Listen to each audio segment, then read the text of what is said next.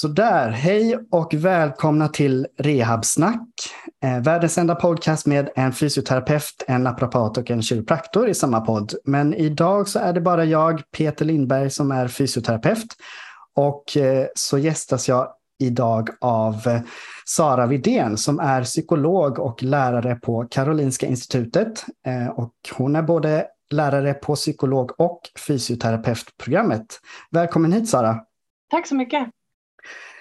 Ja, och jag har bjudit in dig idag. Eh, tack för att du är här. Eh, för att du, ja, som jag sa, du är lärare och eh, då är det viktigt att man har lite koll på pedagogik. Och det är också mm. ett av dina intresseområden som jag har förstått det. Mm, verkligen. Och kan du först bara berätta vad, vad undervisar du i på psykolog och fysioterapeutprogrammet? Mm. Jag kan ju börja med fysioterapeutprogrammet och det är också den, den, det program som jag har allra mest av min undervisning på. Eh, för då har jag dels liksom grundläggande psykologi, alltså liksom kunskap om mänskligt fungerande med väldigt mycket fokus på beteendeförändring. För att det är ju någonting som är liksom gemensamt för alla yrkesgrupper inom vården, att vi väldigt ofta, om inte alltid, vill påverka vad våra patienter gör. Så att där, där ligger mycket tyngd på det. Vad är det som styr våra beteenden och hur kan vi hjälpa någon att ändra beteenden, till exempel bryta vanor. Um, så det är en stor del. Och sen har jag också en kurs på termin fem på fysioterapeutprogrammet som heter hälsofrämjande arbete och global hälsa som tar ett lite mer dels globalt perspektiv och se liksom olikheter mellan olika länder, få lite kult, liksom förstående för kulturella olikheter, men också väldigt mycket ett socialt perspektiv och förstå hur liksom, sociala orättvisor i samhället också påverkar hälsa och påverkar våra förutsättningar för att ändra vårt beteende eller liksom, etablera goda vanor. Um, och den har ju också då mycket fokus på preventivt arbete. Vad kan vi, hur skapar vi förutsättningar för hälsa i samhället? Så den är mer, också mer på gruppnivå. Så det är liksom mina två stora kurser på fysioterapeutprogrammet på KI. Sen gör jag lite så här små inhopp under programmet så att jag får följa studenterna väldigt mycket under utbildningens gång, vilket är jätteroligt att se progressionen och, och när liksom poletter trillar ner och hur man använder det som vi har gått igenom på tidigare kurser. Så det är det jag gör på fysioterapeutprogrammet. Och sen jobbar jag på psykologprogrammet också och då har jag lite olika inhopp på olika program. Har tidigare jobbat med internetbehandlingen som psykologstudenterna gör, men det har jag lämnat nu. Nu jobbar jag med den kursen som heter självkännedom och kliniska färdigheter där studenterna får reflektera kring sig själva och jobba med en egen beteendeförändring för att sen kunna hjälpa sina patienter att göra det på ett så bra sätt som möjligt. Och sen har jag också en valbar kurs om eh, mer hållbarhet och, och liksom både social och ekologisk och ekonomisk hållbarhet. Så det är ju också ett hjärteområde som dyker upp på båda programmen. Så det är det jag ägnar större delen av min tid åt på KI. Mm, vad kul, spännande.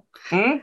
Eh, det är roligt också tycker jag att man har, eh, ja, men att, att man har interprofessionellt, eh, interprofessionella kursledare och lärare och föreläsare på de olika programmen.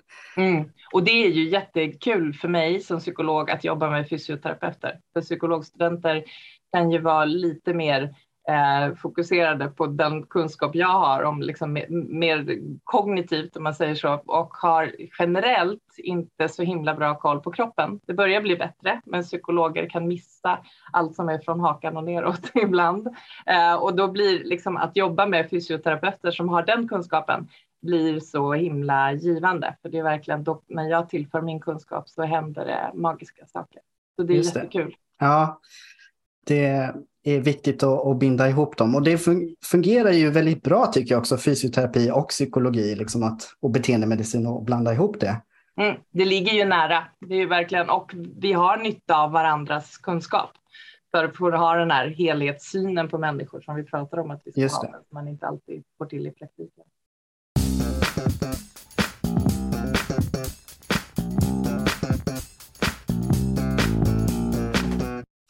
Okej, okay, och dagens ämne i det här avsnittet är eh, pedagogik och hur, eh, vad det spelar för roll när vi eh, kommunicerar med patienter och försöker lära dem någonting, försöker hjälpa dem att lära sig nya färdigheter, att få till en beteendeförändring i kliniken för, som i slutändan förhoppningsvis kan hjälpa till en, en bättre hälsa egentligen. Mm. Och pedagogik då, vad är, för det är någonting som du brinner för och tycker är väldigt roligt och intressant. Um, vad är det i pedagogiken som du tycker är intressant? Ja, men det, det är om man, om man liksom går tillbaka. Vi kan, vi kan börja med att liksom titta på själva begreppet pedagogik. Ja, absolut. jag brukar problematisera det lite när jag ska förklara vad jag jobbar med. För att pedagogik betyder rent bokstavligen eller semantiskt så betyder det att leda barn. Eh, och det är ju just det vi inte gör, eller inte ska göra, eh, som lärare på universitetet. Eh, och då fick jag för, för ganska många år sedan nu lära mig ett annat begrepp som heter androgogik. Det är inte så etablerat ännu, men det är ju då istället kunskapen om hur man leder människor och lär dem nya saker. Eh, så jag brukar säga att det är androgogik som är det som jag verkligen brinner för. Att, att där förstå vad är det vad är det som faktiskt um, skapar så goda förutsättningar som möjligt för att någon ska ta till sig någonting som jag tror att de har nytta av? Eller på vilket sätt förmedlar jag det jag kan eller det jag vet eller det kursplanen säger att jag ska göra på ett så effektivt sätt som möjligt?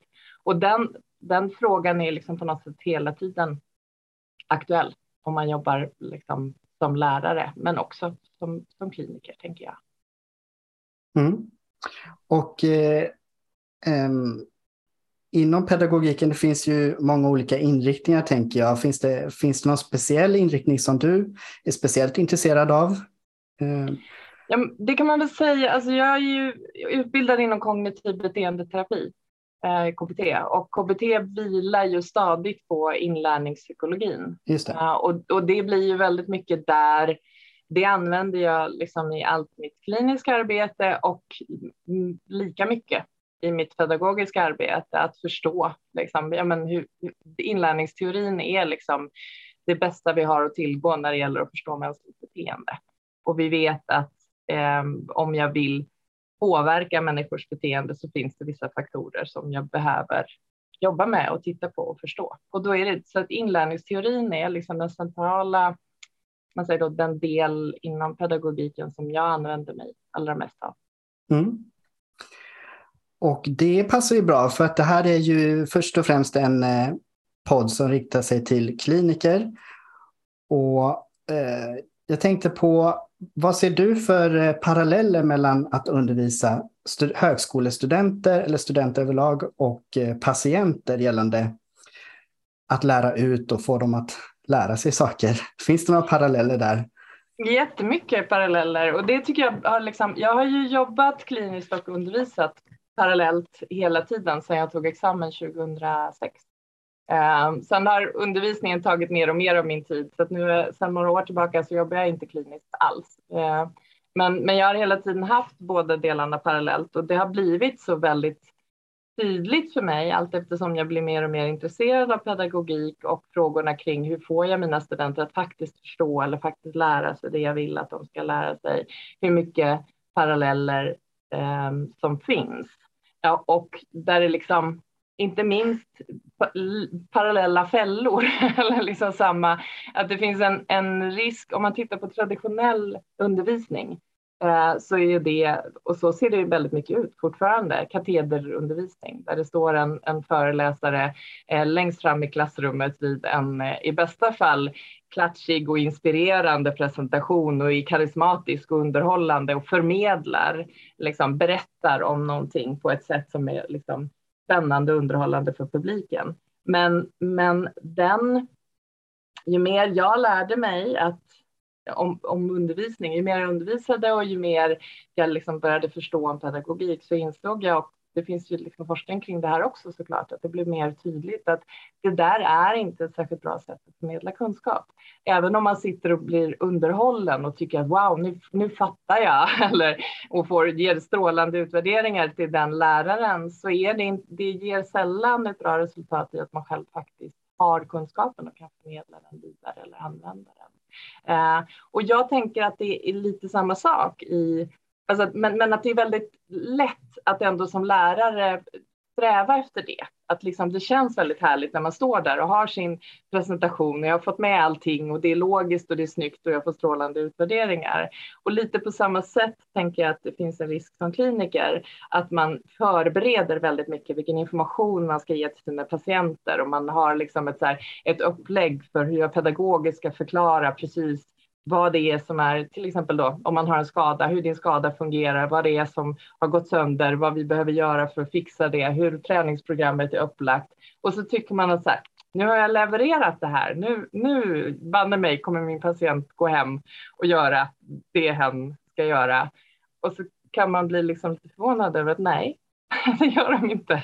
Liksom. Och, och, och där tänker jag att parallellen är så tydlig. Att se, okay, vad, vad, behöver jag göra istället då? Som kanske inte är lika självklart lockande i stunden, men som faktiskt ger resultatet att mottagaren, att budskapet landar hos mottagaren.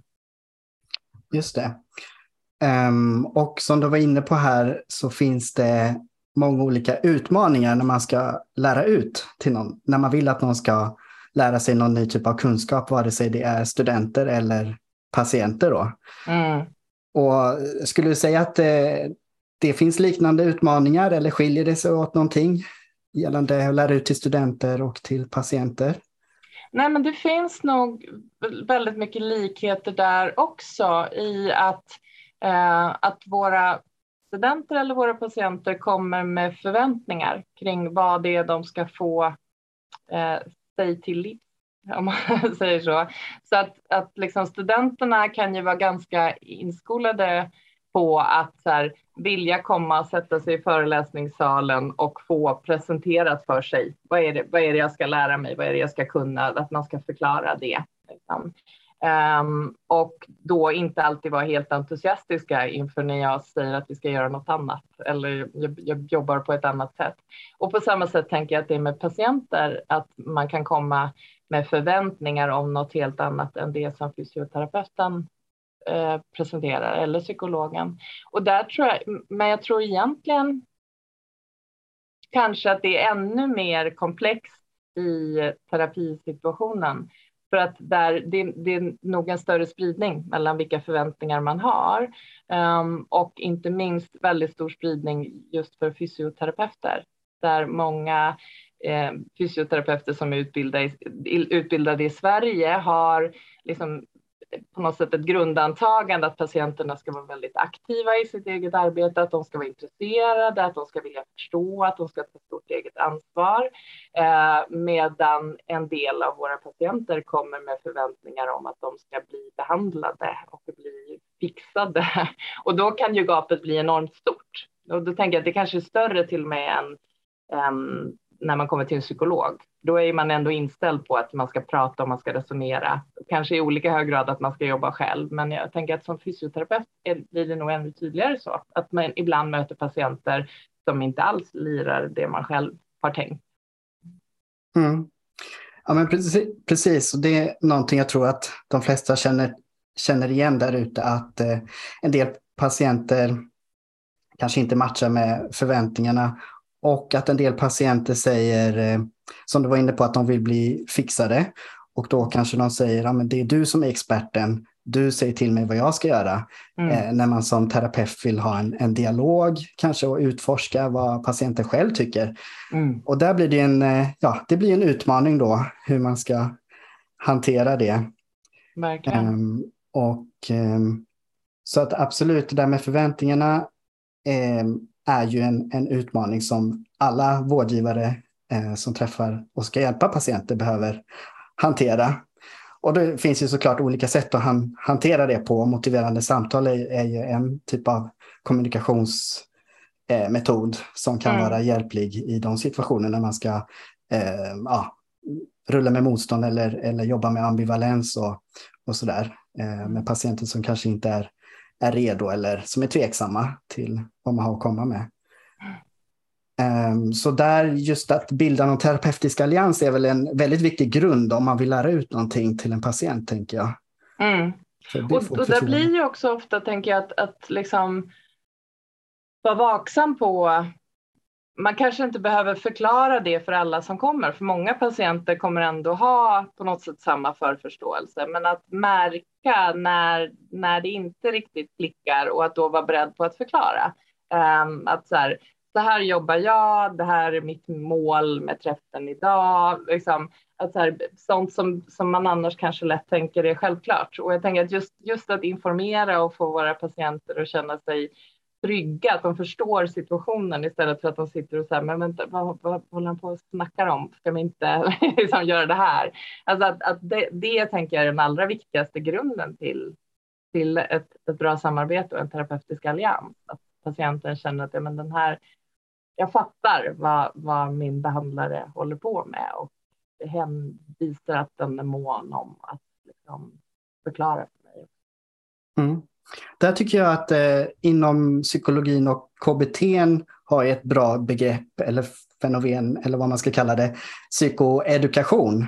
Mm. Just eh, som jag har förstått det att man vill eh, hjälpa patienten att förstå problemet och förstå hur eh, olika saker hänger ihop och hur ett problem skapas och vad som mm. kan få det att fortsätta vara ett problem.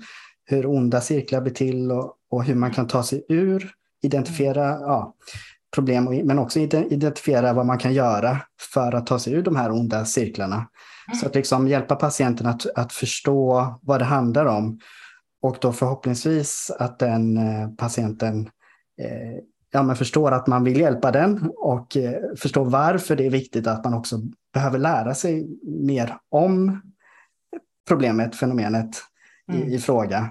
Mm. Eh, om vi tar smärta till exempel, det är ofta så här, ja men jag har ont, hjälp mig att få bort den. Mm. Eh, men ibland är det inte så enkelt, man behöver liksom förstå varför har det ont, hur har det uppstått? Vad är det som kan göra att, den fortsätter, att du fortsätter ha ont egentligen? Vad, mm. vad finns det för bidragande faktorer?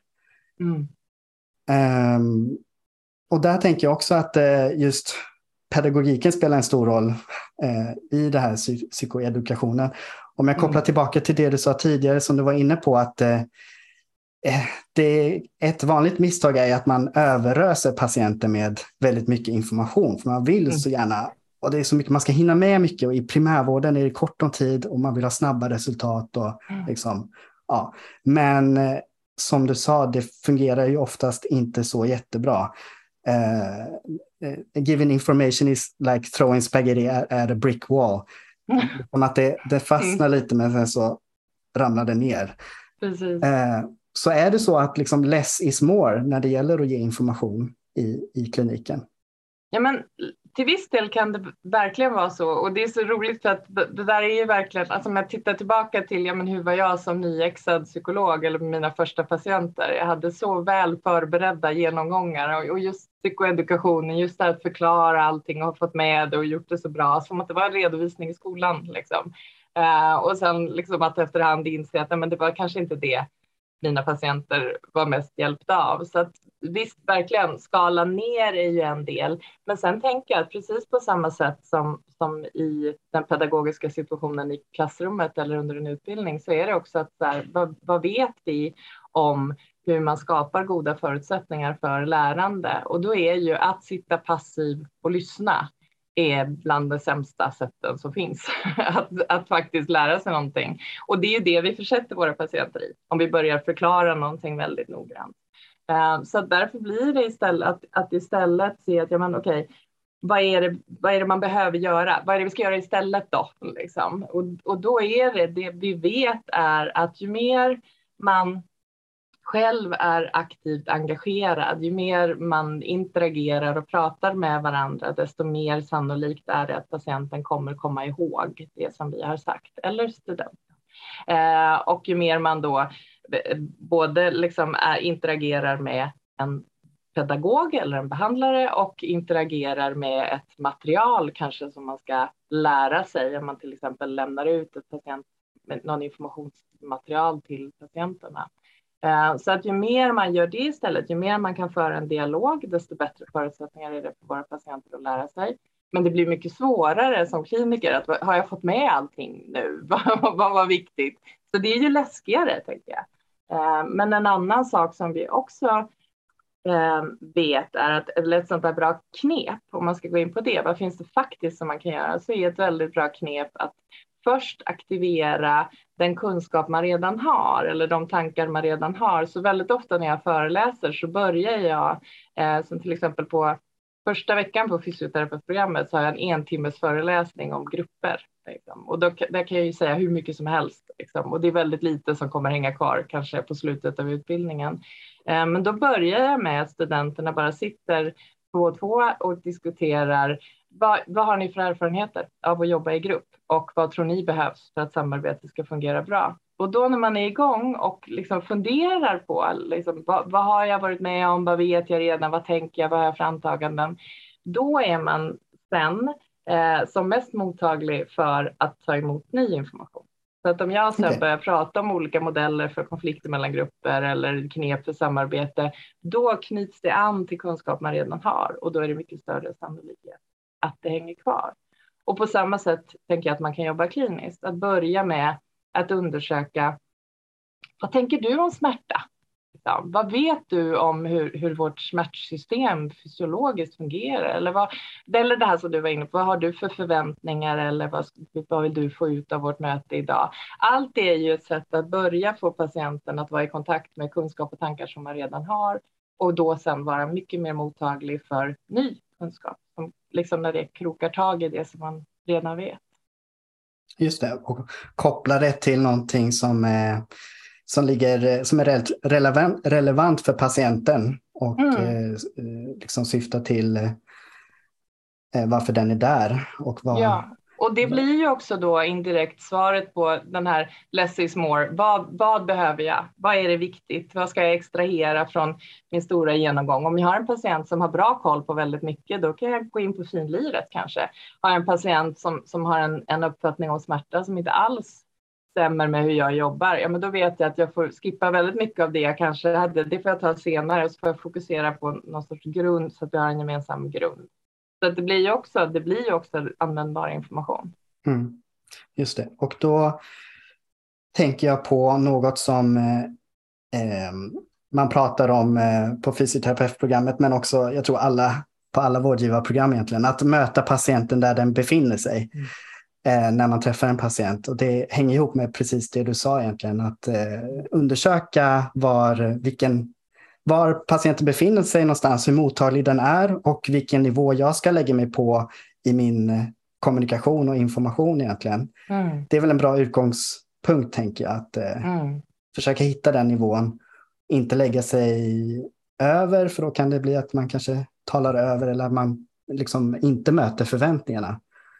Så att eh, det är väl en bra startpunkt. Ja. Mm. Och där finns det ju också en, just om man tittar på det här med vad kan vara liksom svårigheter i situationen. För där blir det att jag tänker att, att många fysioterapeuter är ganska bra på det där. Att så här, pejl, liksom pejla, fråga, undersöka. Men där tänker jag att det finns en sån en väldigt tydlig krockrisk. Man liksom pratar om kulturella olikheter och då menar jag inte bara liksom utifrån etnisk bakgrund utan liksom kulturellt också utifrån liksom vilka förväntningar man har på den situationen. Att om man kommer som patient och har en förväntan om att eh, liksom, lä läkare eller liksom vårdgivare ska vara, liksom, ska vara ganska eh, hierarkiskt högre upp än jag, att de ska tala om för mig vad som gäller och de ska visa sig kunskap och, och, liksom, eh, och möts av en, en eh, fysioterapeut som månar om att så här, förstå vad vill du och vad tänker du, då kan det ju bli ett missförstånd i att patienten upplever att behandlaren inte är kompetent eller inte vet. Vadå, frågar du mig? Liksom? Det är du som ska veta. Alltså, precis där som du var lite inne på förut också. Och det jag tänker att det är därför det då kan bli viktigt att, att backa ett steg till och se att, att så här, förklara att jag kommer börja med att, att eh, fråga dig och förstå lite vad du har för tankar eller för förväntningar. Så att man liksom har ramat in det först. På samma sätt som jag ramar in för mina studenter. Att jag kommer börja med att ni får aktivera den kunskap ni redan har och sen kommer jag föreläsa. Mm, just det. Ett eh, av mina favoritcitat från Benjamin Franklin som hänger ihop med det vi har pratat om eh, är eh, Tell me and I forget, teach me and I remember, involve me and I learn. Mm. Ja, men den Har du bra. hört- den har du hört jag, den nej, jag hade inte hört den, men den är spot on. Ja, så- jättebra. Tell me, tell me and I forget, teach me and I may remember, involve me and I learn. Så Mm. just det här med att involvera studenten eller patienten, engagera den på olika sätt. Mm. Och det har vi ju varit inne på eh, lite grann, liksom på hur man kan göra det genom att bjuda in patienten till eh, en, en dialog och engagera den och börja liksom, eh, koppla det till kunskap som den redan har. Finns det några andra sätt man kan liksom, engagera patienten i, i kommunikationen för att eh, förbättra inlärningen? Ja, alltså det är ju det. Kanske mer så här, det, men man kan göra det på olika sätt, tänker jag. Att ett sånt är det här att, att fråga efter kunskap eller det man redan har. Men sen det som också då kopplar till pedagogisk forskning när vi vet att ja, men för att studenter ska bli akademiskt framgångsrika så behöver de eh, de behöver vara engagerade i sina studier och engagerade i sina studier är ju väldigt luddigt. Men då säger man att ja, men det, det det betyder är att man ska interagera med fakulteten, man ska interagera med materialet och man ska interagera med andra studenter. Eh, och, och jag tänker att det kan man ju också applicera, eller i alla fall ha i bakhuvudet när man tänker på patienter. Ja, men det vi har pratat om nu, det är ju interagera med fakulteten eller då i det här fallet behandlaren som en, som en sån viktig del, att föra dialog istället för att bara envägskommunikation. Men att också Eh, använda arbetsmaterial, att kanske skriva anteckningar på ett papper som patienten får med sig hem eller att patienten antecknar eh, det som vi skriver. Så att om vi kommer på något viktigt så kan du be patienten skriva ner det så att patienten har med det materialet hem. Eller om man har någon sorts informationsblankett eller så att man tittar på det gemensamt och ringar in eller listar. Så att man liksom interagerar med materialet. Och den tredje då interagera med andra studenter. Där då skulle motsvarigheten med andra patienter och där tänker jag att i den mån det går beroende på var man jobbar och hur att så här, kan man ha så att man kan stötta varandra i ett patientsammanhang liksom att man kan um, så här, förklara någonting för någon annan när man själv har förstått eller hjälpa eller komma med input. Uh, så tänker jag att det också är sätt att verkligen öka involveringen. Mm. Precis, och det sista du sa där, det är ju någonting som jag tycker är jättesvårt att komma ihåg och lätt att glömma när man är med patienter, att be patienten att förklara eller sammanfatta hur den har upp, uppfattat eller förstått den information den har fått, eller be patienten eh, hur skulle du förklara det här för din eh, partner när du kommer hem? Eh, det, vad tar du med dig? Eller, ja, det är ju någonting som, som jag inte har använt mig av tillräckligt mycket, men tänker att det är ett väldigt bra sätt. Dels för att kolla av vad patienten har förstått och uppfattat, mm. men också vad, om, den har, eh, om den kommer ihåg någonting egentligen. Mm. Och sen att den får liksom forma egna, en egen formulering, eh, formulering av, av mm. det man har eh, lärt sig. Då. Verkligen, och då blir det ju också verkligen den här att, att de har förklarat det, att, de, att, att göra den kognitiva processen som är att så här, när du då säger var, var, var det något av det vi tog upp idag som känns extra viktigt? Eller hur skulle du förklara det här för någon annan? Då kräver ju det en kognitiv liksom investering, en, ett arbete att göra när man ska formulera det för dig. Och bara att ha gjort det ökar sannolikheten jättemycket att man sen också faktiskt kommer ihåg det. För det fyller ju verkligen, precis som du säger, det fyller de dubbla syftena. Att det blir en återkoppling till dig. Har patienten förstått? Liksom, vad av det här nappade patienten på? Men sen också att det ökar sannolikheten att det hänger kvar. Ja, och då, då tänker jag på den här pyramiden, om det är Blooms taxonomi eller vad det är.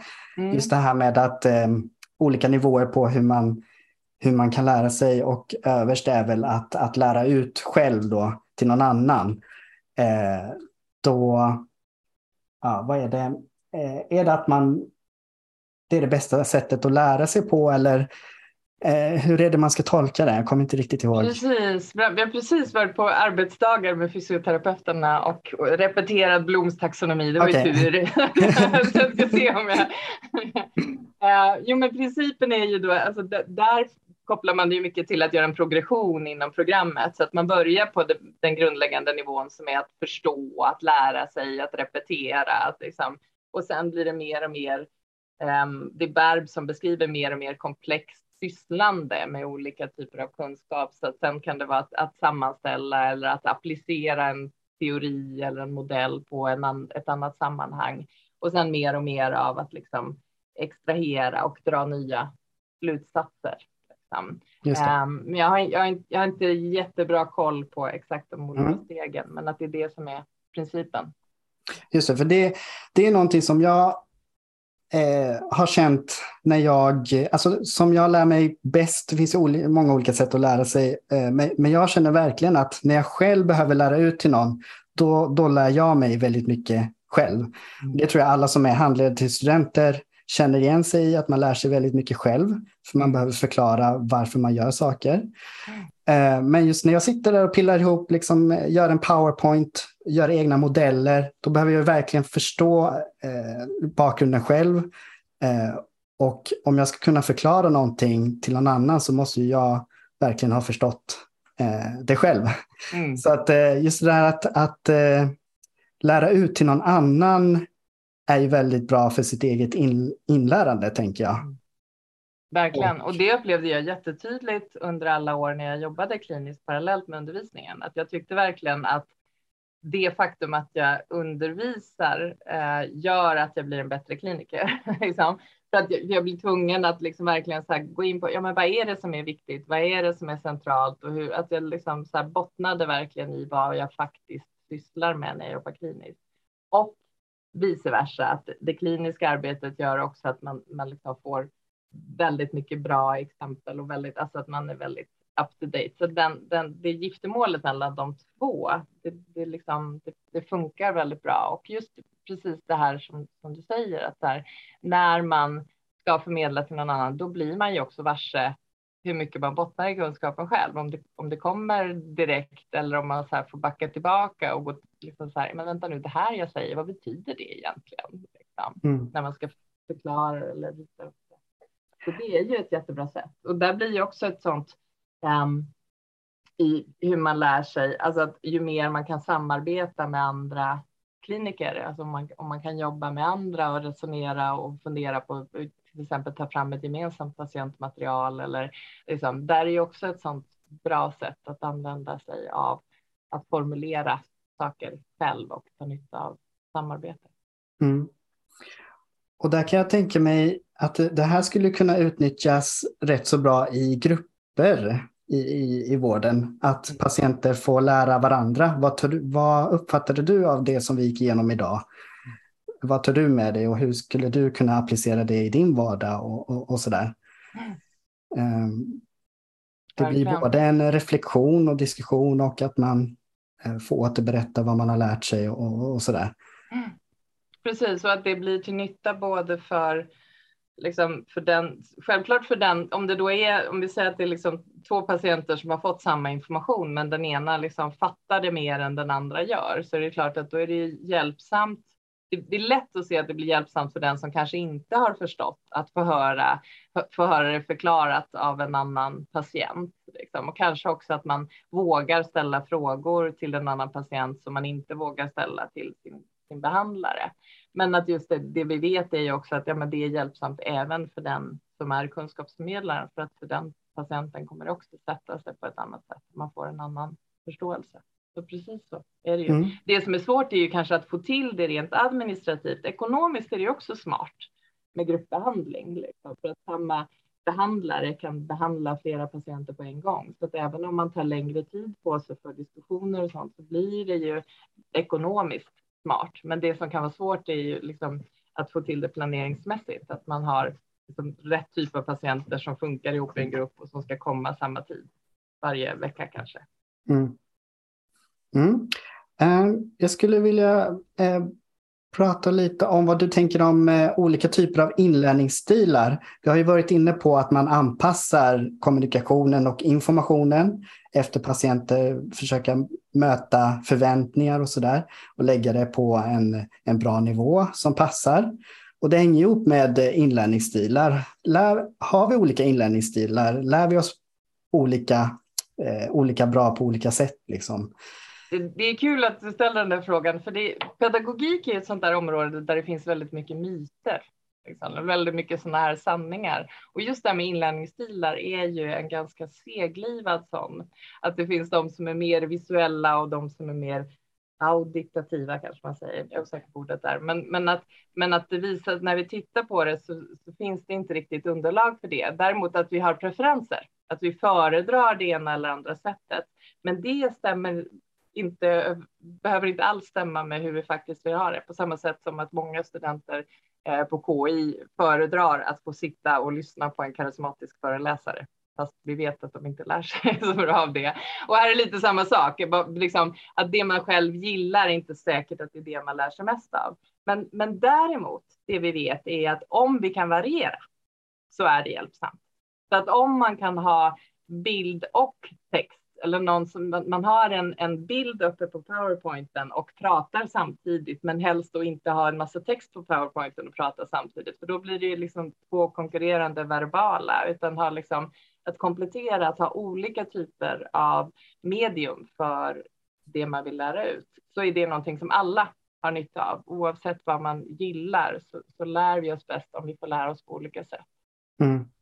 Ja, men det där eh, kan jag skriva på ett privat plan, att jag uppskattar flexibiliteten och hur man kan lära sig olika medium att lära sig på.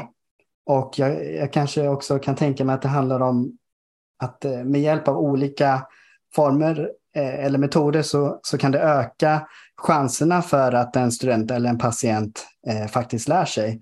Alltså jag tänker att eh, eh, om det finns, låt säga, eh, nedladdningsbara små korta klipp en patient kan titta på, eh, för att den gillar inte att gå på en föreläsning eller den gillar inte att gå i grupp eller ja, att kan titta i lugn och ro när den, känner, när den är redo och mottaglig så, mm. så kanske det ökar chansen att den faktiskt gör någonting mm. istället för att den måste passa en tid eller vara i en grupp med andra eller sådär.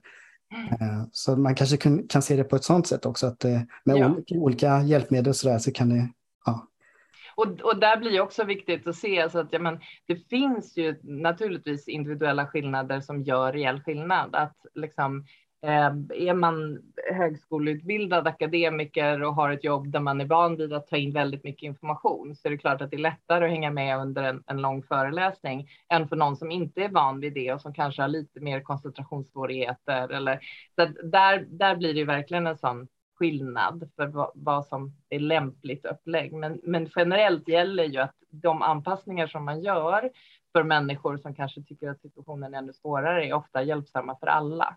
Så att även den som är bra på att sitta och fokusera på väldigt mycket samtidigt kan lära sig bättre av att, del, att man delar upp eh, informationen i, i, mindre delar och tar det vid olika tillfällen. Just det.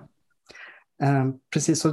Um, att dela, ut, eh, dela upp det, portionera ut det. Kan det också vara bra att ta vad ska man säga, ett tema eller fokus åt gången. Om, om vi, tar, eh, alltså, vi tar stress eller smärta som är ganska komplexa, att man, man tar inte allt på samma gång. Man kanske börjar med en sak i taget och, och fokuserar på att lära sig en ny färdighet till exempel, eller eh, lära sig en, en ny typ av kunskap som är väsentlig att man kanske prioriterar också vad, vad är viktigt att, vi, att patienten lär sig nu, här och nu. Mm.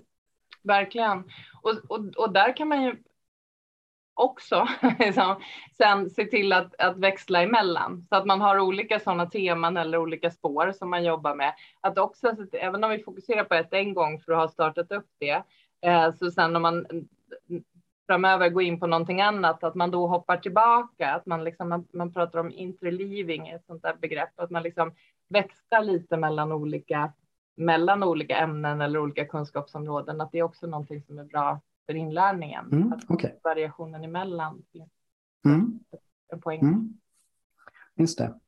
Ja, okej, okay, så men hur blir man då en bra pedagog? Eller hur, hur, ska man lära sig det här? För jag tänker att det här är någonting som dels kommer med erfarenhet, men man kan också utbilda sig och, och lära sig. Kanske snabba på den här processen att lära sig olika eh, ja, sätt att, att lära ut på. Mm. Um, har du några tips på hur, vad, vad kan man göra som kliniker som vill lära sig förbättra sina färdigheter? Att eh, kommunicera med patienter, att hjälpa dem att lära sig. Precis, det där, för där blir ju lite så här, men vad, vad, finns det för, för källor? Alltså jag skulle säga väldigt mycket det här att, att vara intresserad och prata med andra eh, eh som, som delar det intresset. Så för mig har det varit jättehjälpsamt att hitta andra lärare som också är intresserade av att utveckla sin pedagogik. Eh, för då får man också nys om lite olika saker. För det finns inte, jag funderade lite på det inför den här podden, om sen finns det någon så här boktips eller något sånt jag kan ge och jag har inget självklart sånt, utan för mig är det så uppenbart att nej, men jag, jag har hittat olika delar på olika ställen och samlat goda modeller och prövat mig fram till, till vad jag själv tycker är användbart. Sen blir ju min grund är inlärningsteorin och jag tycker att den är enormt hjälpsam att ta med sig i det här. Så att där, där liksom, då finns det till exempel en bok som heter Skjut inte hunden på svenska eller Don't shoot the dog av Karen Pryor som är en sån grundläggande inlärningsteori och förståelse för beteendeförändring. Och, och den kan jag varmt rekommendera till alla som, som jobbar med patienter. Men sen när det gäller just det pedagogiska, då då är det mycket från olika källor, mycket när man får nys om spännande forskning. Och då finns det, det finns en podd, eh, nej, inte en podd, en, en, en hemsida eller det, både, det finns både så olika blogginlägg och det finns länkar till annat material som heter The Learning Scientist. Uh, och därifrån har jag fått mycket, för då är det liksom, man, man kan få liksom extraherade små, nästan som en liten krönika om en forskning som har gjorts och man hittar också länkar till studierna som ligger till grund för den. Så det är ett sådant tips som ett ställe där man kan hitta mer information, mer kunskap. Men att, att framför allt det som också gäller för pedagogiken, att hitta andra som, som är intresserade så att man pratar med varann och att om jag läser någon intressant bloggpost där, då berättar jag det för en kollega och då kommer jag minnas det nästa gång jag kommer i kontakt med något sånt. Att, att just det där och att få tips från andra. Så mm. Det är väl, det skulle jag säga mitt främsta tips, att liksom hitta likasinnade. Ja. Ja, men det håller jag med om också. Att dela erfarenheter och perspektiv tycker jag har hjälpt mig mycket. Eh, när jag har gått till exempel ja, KIs kurs i högskolepedagogik. Mm. Eh, när man träffar andra, det är en inte professionell kurs. Då får man träffa andra och dela erfarenheter hur det är att vara handledare till exempel och, och möta studenter. Och dela erfarenheter om vad som har fungerat bra och vad som har fungerat mindre bra. Och Det tycker jag hjälpte mig mycket i kombination med såklart föreläsningarna och eh, litteraturen.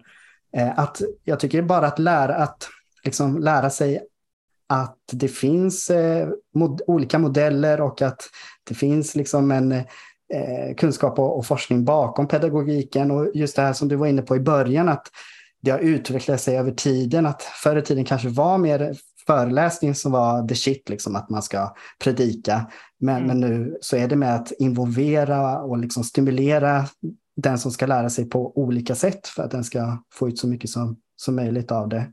Mm. Och eh. samtidigt, där blir det lite intressant tycker jag, för att det, det, vet vi och det lär vi ut och det lär man sig på KIs eh, i pedagogik också. Samtidigt har vi, om vi pratar om KI, hur lokalerna ser ut. Att vi har majoriteten av alla undervisningslokaler är fasta bänkrader och så är det en föreläsarplats längst fram. Så den är ju, de är inte så gynnsamma för att få till andra typer av mer kollaborativt lärande.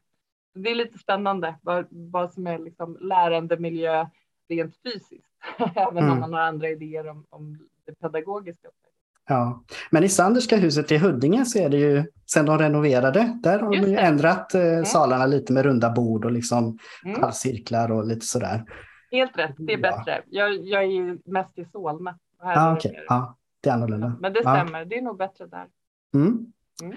Ja, finns det någonting kring det vi har pratat om här idag som du vill lägga till någon kommentar eller någonting som vi har missat eller någonting som du tycker är viktigt att lägga till eller så innan vi avrundar? Nej, inte som jag tänker på spontant. Det känns som att vi har varit inne vid mycket av det som, mm. jag också inför samtalet funderade på vad som, som var relevant eh, och viktigt. Ja. Så, nej, jag tror vi har rört det mesta. Ja, mm. okej, okay, så Um, ja, jag tycker väl att, eh, eller vad ska vi säga som avslutningsvis här, att det är viktigt med pedagogik och det finns, eh, det finns väl liksom, man kan förbättra sin, sina färdigheter att lära ut till andra, vare sig det är studenter eller patienter egentligen. Mm. Och lära sig att bättre kunna lägga sig på en lagom nivå och anpassa det man har tänkt att lära ut. Möta förväntningarna hos patienterna Mm. Egentligen liksom att eh, underlätta för inlärningen på olika sätt och mm. sen eh, hitta, hitta ett sätt som fungerar. Mm. Um, och, och tänk, om jag kan lägga till något där så ja. tänker jag där att, att vara lite vaksam på när jag själv blir bekväm. Att det, det är ofta bekvämt att stå och föreläsa, att leverera ett klatschigt budskap, att liksom eh, oavsett om man är lärare eller kliniker och att vara lite vaksam på att, att faktiskt komma ihåg perspektivet. Ja, men är det här verkligen bästa sättet att få mottagaren att lära sig någonting? Så att ofta mm. är det ju att kliva ur den där bekvämlighetszonen lite grann. Mm. Det är en väldigt bra kommentar. Jag känner igen mig själv i att, att man kan fastna där. Mm. Ja, men eh, du ska ha ett stort tack Sara för att du var med och, eh, i den här podden och att vi fick ta del av din, eh, dina tankar och din expertis kring det här området. Så eh, tack så hemskt mycket för att du var med. Ja, men tack för att jag fick vara med och att du blev inbjuden. Det var jätteroligt. Ja, men det var roligt. Mm. Ett, ett spännande ämne och mm. jag önskar att du får en framgångsrik höst här med att lära ut till massa studenter. Ja, tack så mycket. Ja, tack ska du ha. Hej då. Hej.